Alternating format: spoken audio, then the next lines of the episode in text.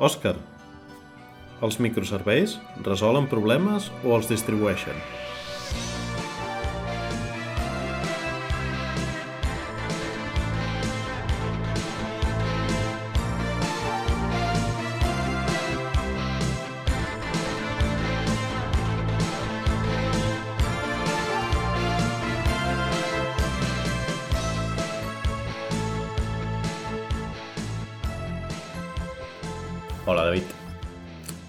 Fan les dues coses.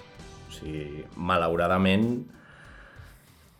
estem en un punt en el qual eh, els microserveis o l'arquitectura de microserveis no deixa de ser una eina, deixa de ser una tècnica per, per avançar o per desenvolupar, però tot depèn de quina decisió ens porta i quin és l'entorn en el que estem per fer-lo servir.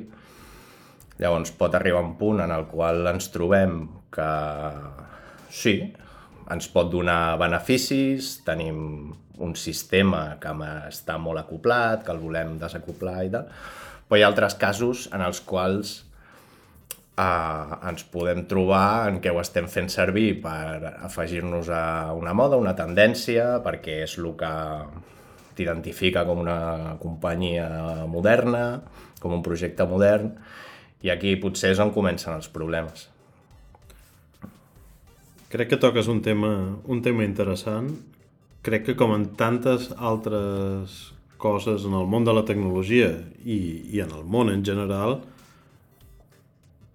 estem adoptant una, un disseny o estem adoptant una arquitectura havent oblidat què ens va dur a necessitar-la i quines motivacions existien en les empreses que una mica per accident, s'ha de, de reconèixer, van, van adoptar arquitectures orientades a servei i orientades a microservei. Jo crec, que, jo crec que els arguments per adoptar una arquitectura orientada a microservei són encara vàlids i ho seran durant molt de temps. Eh, hi ha els arguments típics en relació al desenvolupament independent, en relació al poder reemplaçar parts d'un sistema eh, diguem a trossos, sense haver de refer grans parts del sistema.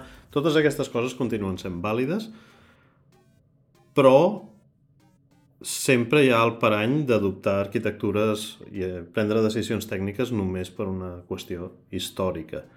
Depèn de l'estadi del producte en el qual et trobis, continuo pensant que monolits o sistemes híbrids poden resultar molt més pràctics i molt més fàcils de, de mantenir i amb, amb, menys, amb menys paranys. És una cosa, jo crec que en, en qualsevol arquitectura sempre s'ha de pensar molt bé en el problema que volem solucionar i no tant en la solució que hem d'adoptar i llavors intentar adaptar el problema a aquella solució. Hmm. Per què creus que, que ha evolucionat uh, d'aquesta manera? O sigui, com, com creus que hem arribat a... Bueno, tenim un projecte, cre ha crescut una miqueta i tal i qual, ja ens tirem de cap aquí, no? A, a serveis. O sigui, quin, on, on està el punt de, de desconnexió amb la realitat de el, el problema que volem resoldre i, i la decisió que prenem. On, on creus que pot estar això? Jo crec que hi ha una mica el síndrome aquest d'intentar imitar el que algunes empreses estan fent. Per exemple, això passa molt, jo que sé, amb Google. Tothom vol fer coses igual que les fa Google. El parany és pensar que si tu fas les coses a nivell tecnològic o a nivell d'organització com les fa Google, no seràs el següent Google. No funciona exactament així. Uh, jo crec que aquest és el, uh, uh, això és el que ens fa no qüestionar aquesta, aquesta decisió. L'argument inicial, si parlem d'arquitectures orientades a microservei de fa 15 anys i tot això, quan això va començar, crec recordar hi havia un llibre de, dels, dels, dels fundadors de Flickr o dels tecnòlegs de Flickr que van començar Flickr, per qui no ho sàpiga, era un servei de fotografies molt, molt emprat abans de que quedés bastant absorbit i des, destruït per diferents successives compres.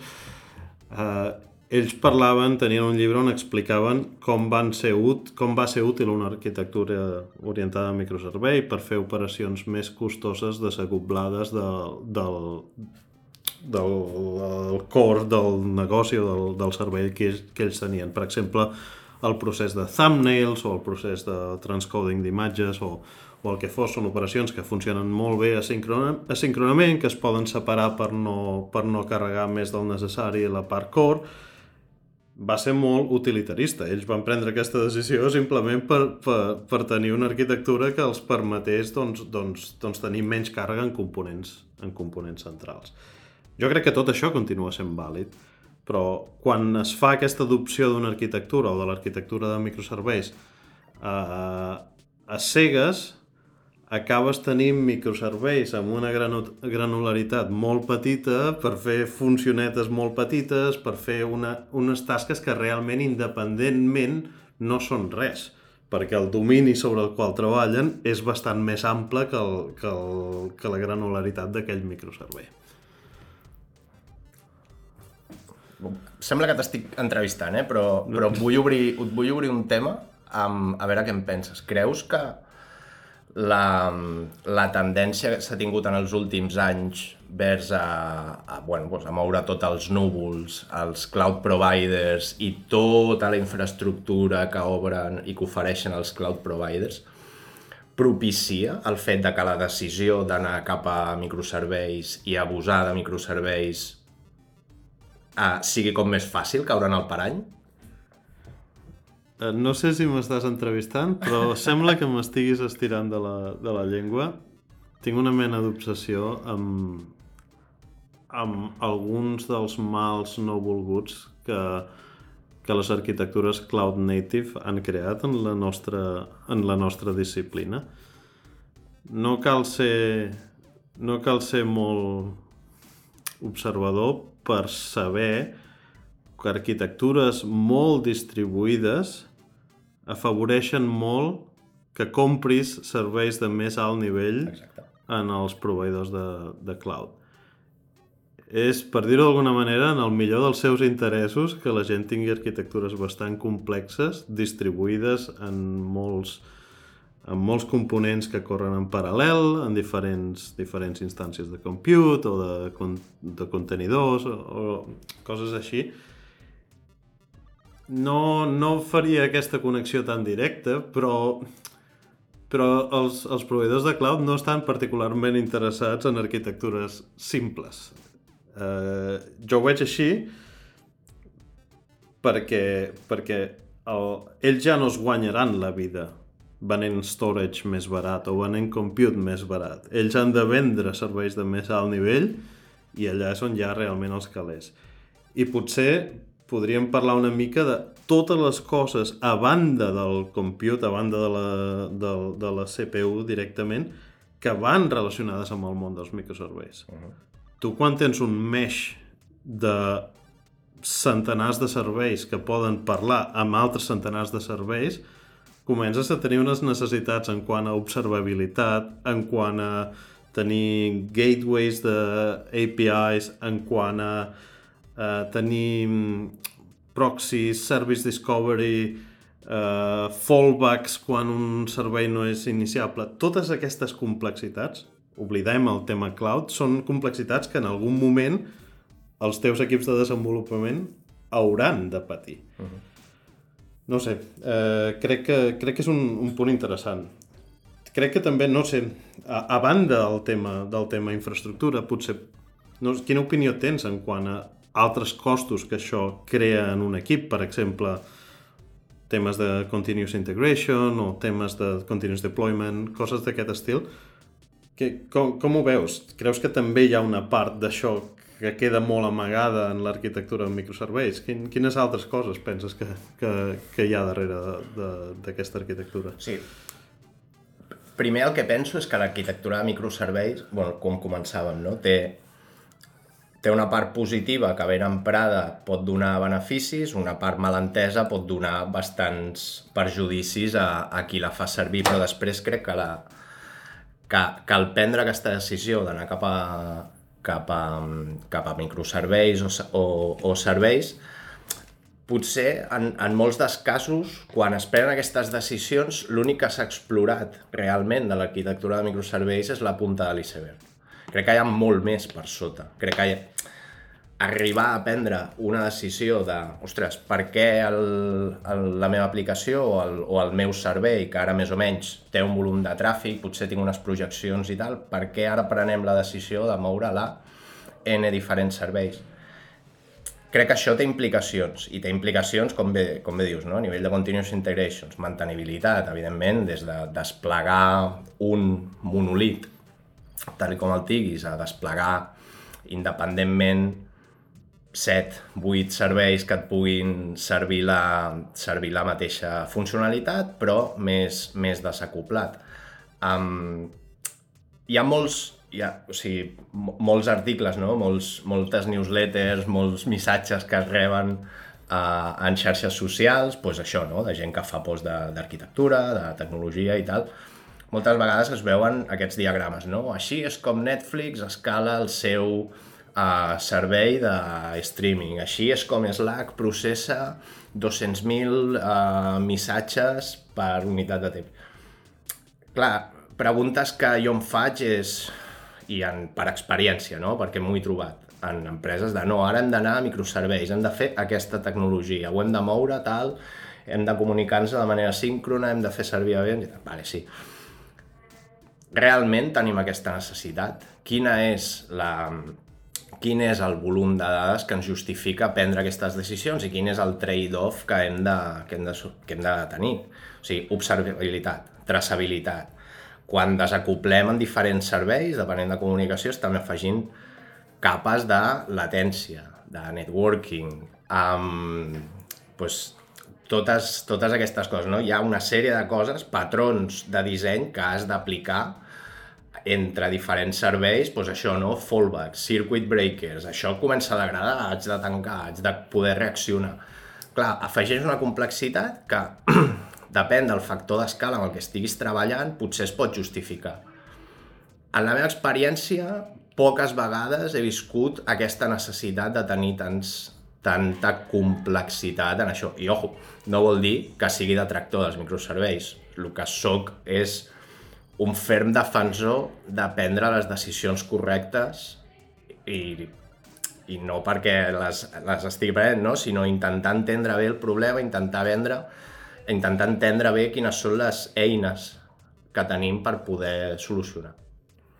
Si haguessis de, de començar un projecte avui, eh, alguna, no sé, algun servei, alguna cosa petita o alguna cosa inicial, o fer una prova de concepte, quin, primer de tot, quin tipus d'arquitectura com, com, com, com ho pensaries, això? Què, què creus que, que seria més, més fàcil en l'estadi inicial i quins són els punts on, on potser reavaluaries la, la teva decisió?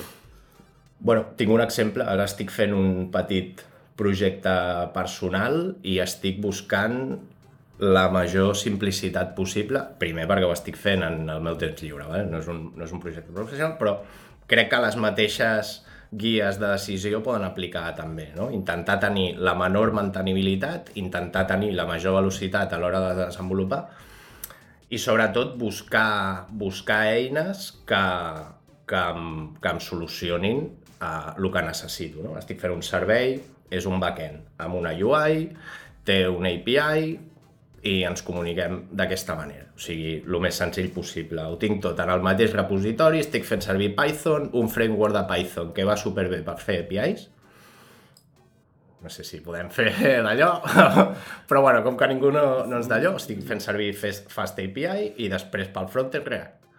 Vale? I quan ho hagi de desplegar, ho desplegaré tot junt de la manera més senzilla.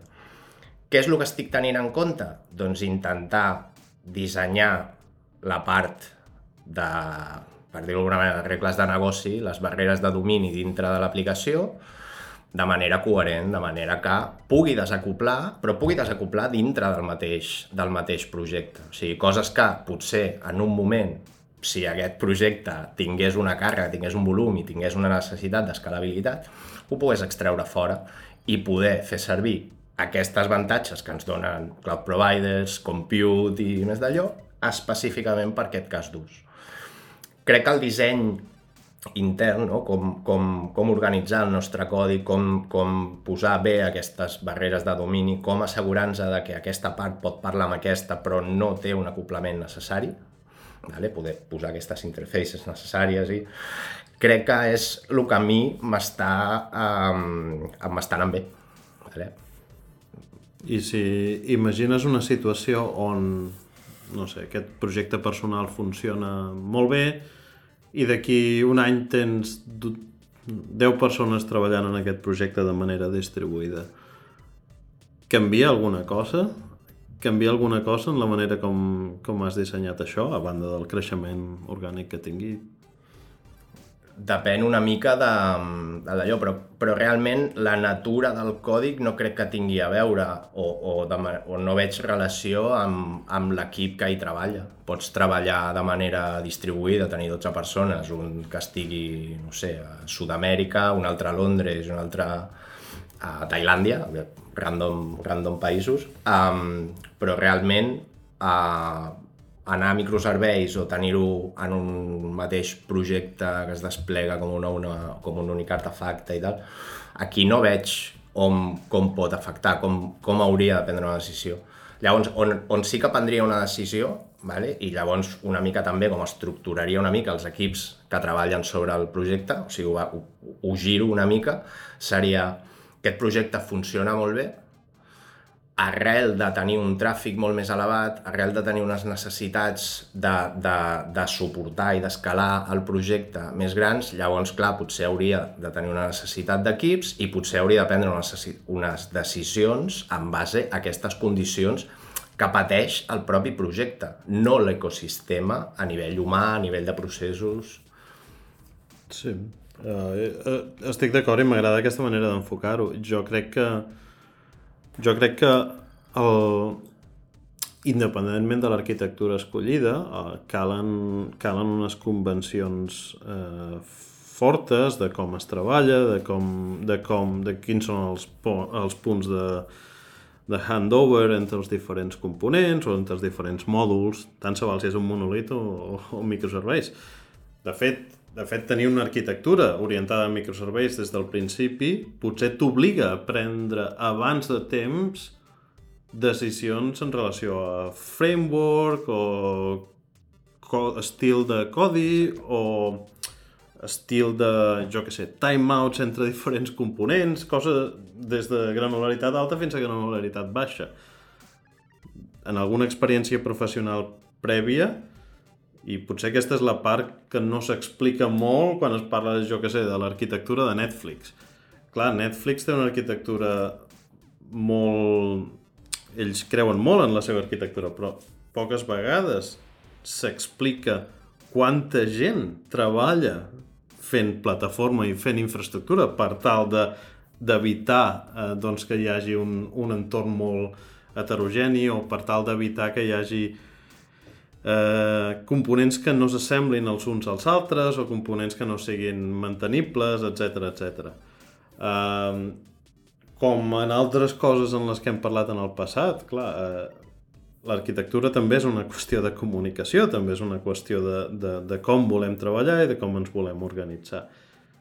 En qualsevol cas, independentment de la decisió que es prengui, jo crec que, que cal, cal pensar molt bé en totes les fases de desenvolupament per què estem prenent una decisió, quin problema intentem, intentem solucionar amb cada decisió, en lloc d'intentar trobar problemes per solucions, eh, que és una mica l'antipatró que, que observem. És, és, és un molt bon apunt. no trobar, o sigui, no buscar el problema a solucionar, sinó trobar-te'l en, el, en el moment del temps. Evidentment, tota prevenció és bona, o sigui, vull dir, preparar-te per diferents situacions. Però quantes vegades has vist projeccions de negoci en les quals, no, no, ens hem de preparar per tenir un creixement de 10 vegades el tràfic que tenim ara? A veure, vull dir, d'on surten aquestes projeccions? Sí, pot ser que hi hagi un creixement, però hi ha moltes variacions respecte a això. O sigui, jo he estat a diversos llocs amb, los, els quals Vull dir, amb unes condicions de tràfic de volum eh, no exagerades, eh, diré no exagerades, un, un tràfic normal per lo que és una aplicació que opera doncs, a nivell europeu, posem. O sigui, roadmaps de, de canvis de decisions, però estem parlant inclús de canvis de llenguatge de programació. Sí, sí. O sigui, ja, a vegades es cau en el, en el punt en el qual, no, no, uh, hem d'anar a microserveis, hem d'agafar aquest llenguatge, hem de fer servir aquest framework, hem de comunicar d'aquesta manera. A veure, vull dir, totes aquestes decisions són decisions que tenen un impacte molt gran en el teu cicle de vida del producte, en el teu cicle de vida del projecte, del desenvolupament, en com el mantens i com el gestiones, i sobretot que tenen un impacte molt en els equips de desenvolupament.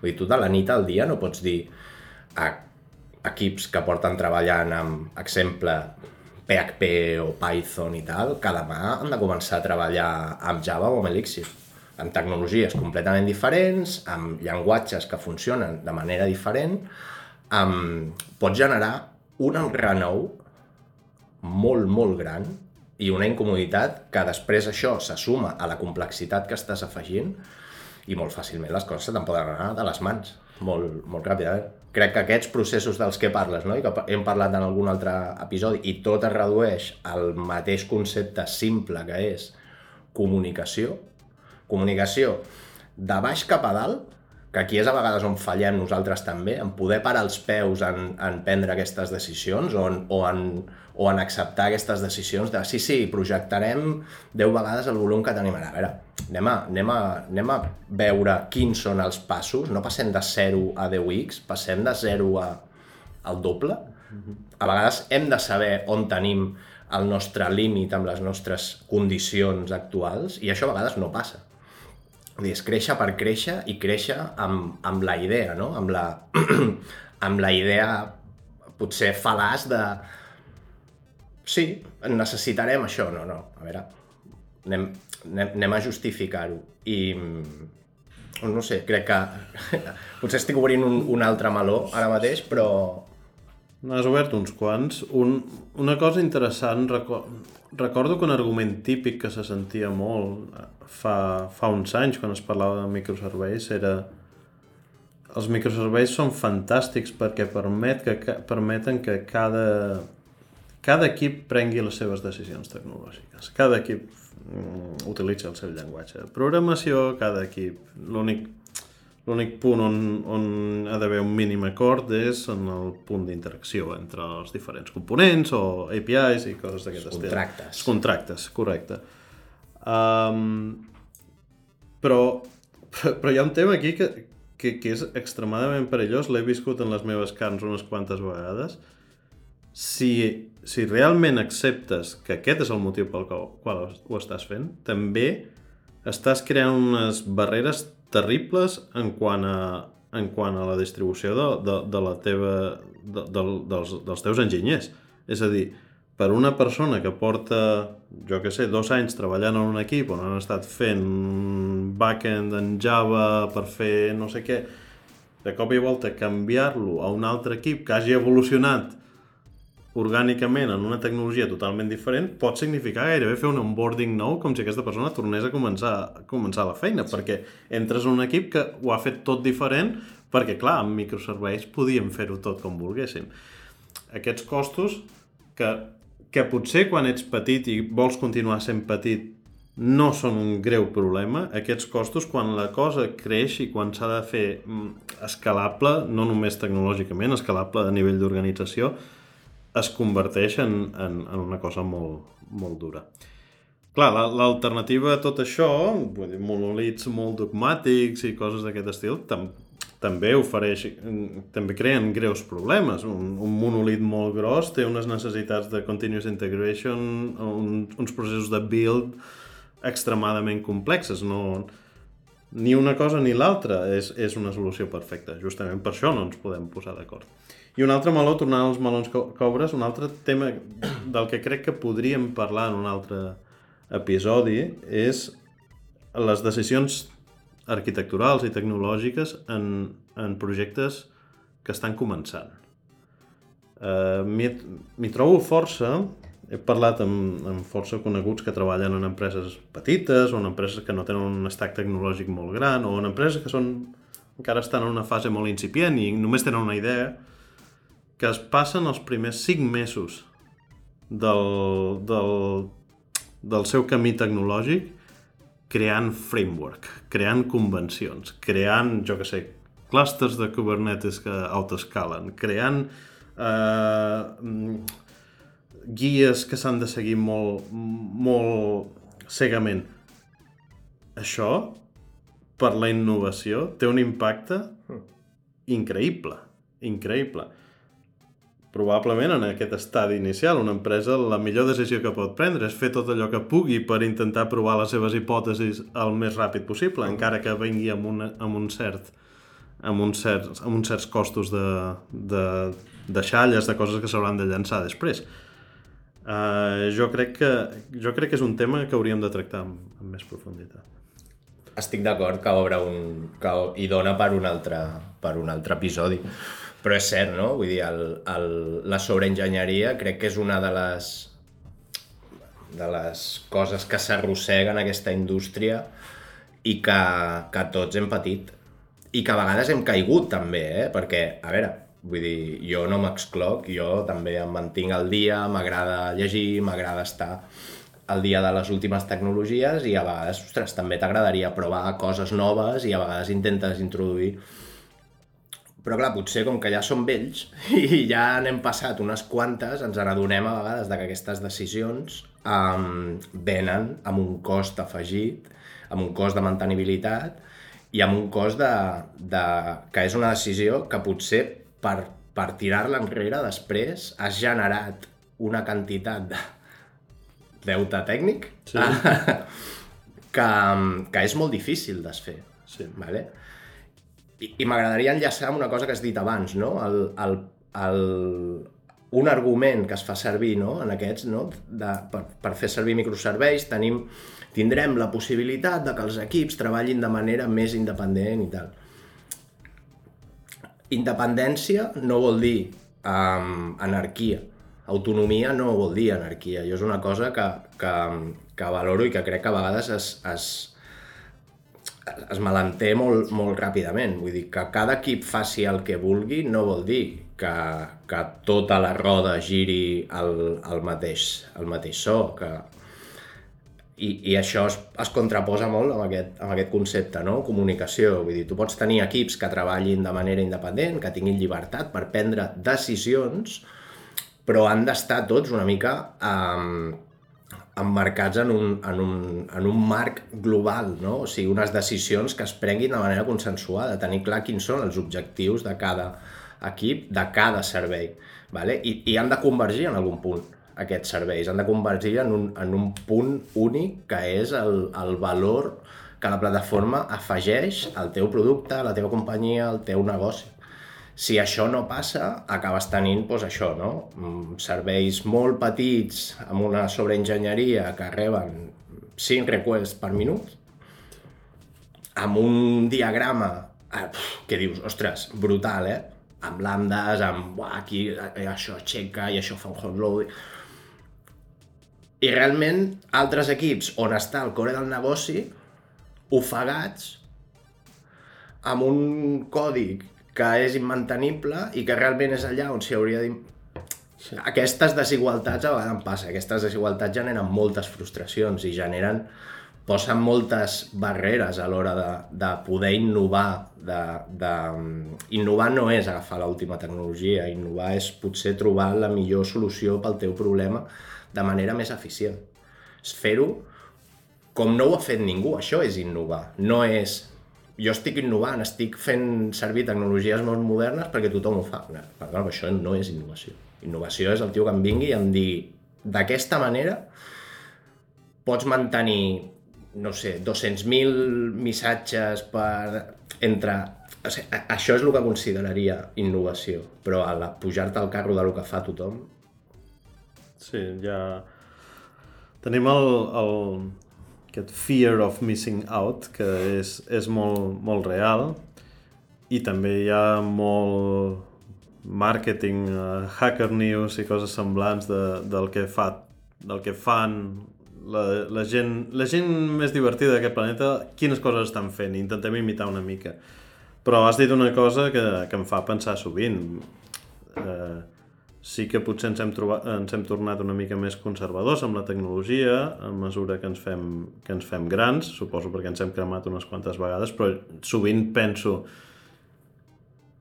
hauríem de ser una mica més oberts de mires i acceptar, acceptar una mica més el caos perquè gràcies al caos de vegades hi ha accidents d'aquests feliços que, que, que creen una cosa que no s'ha no, que no vist abans. I, i és una cosa que crec que, que la gent que portem un temps a la indústria hem de tenir present quan parlem amb gent més jove, amb gent que té més ganes, més il·lusió, més vol provar coses i tot això, és la nostra responsabilitat ajudar-los i també ajudar-los a equivocar-se i ajudar-los a, a, a, ajudar-los a demostrar-nos que estem equivocats en moltes ocasions. I això és una cosa que, que requereix d'estar de, de, constantment pensant i donant confiança i delegant decisions i, i acceptar els riscos eh, com a part del procés de desenvolupament.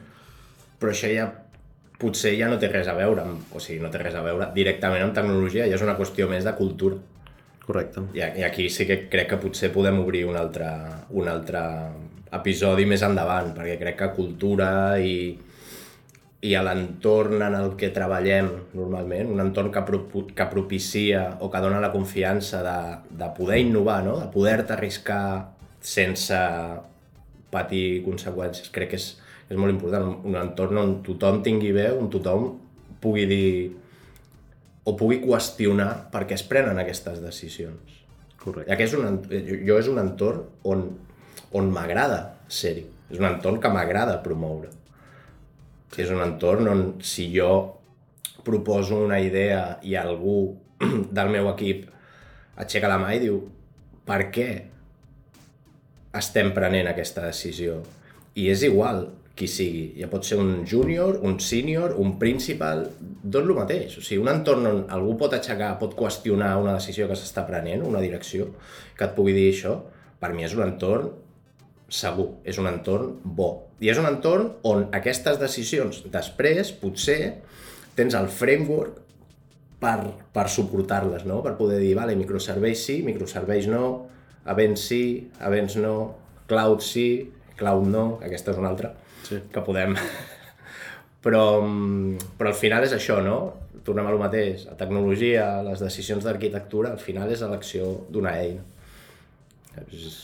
En realitat, en realitat com, com sempre, l'experiència diu que gran part dels problemes de la tecnologia no són problemes tecnològics i són problemes de com es fan les coses, de com col·laborem, de com comuniquem. Uh, crec que, crec que això, això també dona a parlar bastant quan es parla de coses com això del 10x engineer i coses d'aquest estil uh, clar, realment realment el, la, el, que és molt important és, és pensar que, que, que el software que s'escriu és una cosa que s'ha d'adaptar a unes necessitats i quan podem estalviar-nos escriure el software doncs segurament és que hem trobat una solució paral·lela. Uh, tot això és, són coses que, que hem de tenir presents. Sembla que en aquest episodi hem fet una mica de fork i a partir d'ara tenim uns quants temes més sí. a tractar uh, serà, serà sí, un plaer aquest del Tenex m'agradaria que també en parléssim sí, és, és una cosa molt controvertida. Gràcies, David. Gràcies, Òscar. Fins aviat.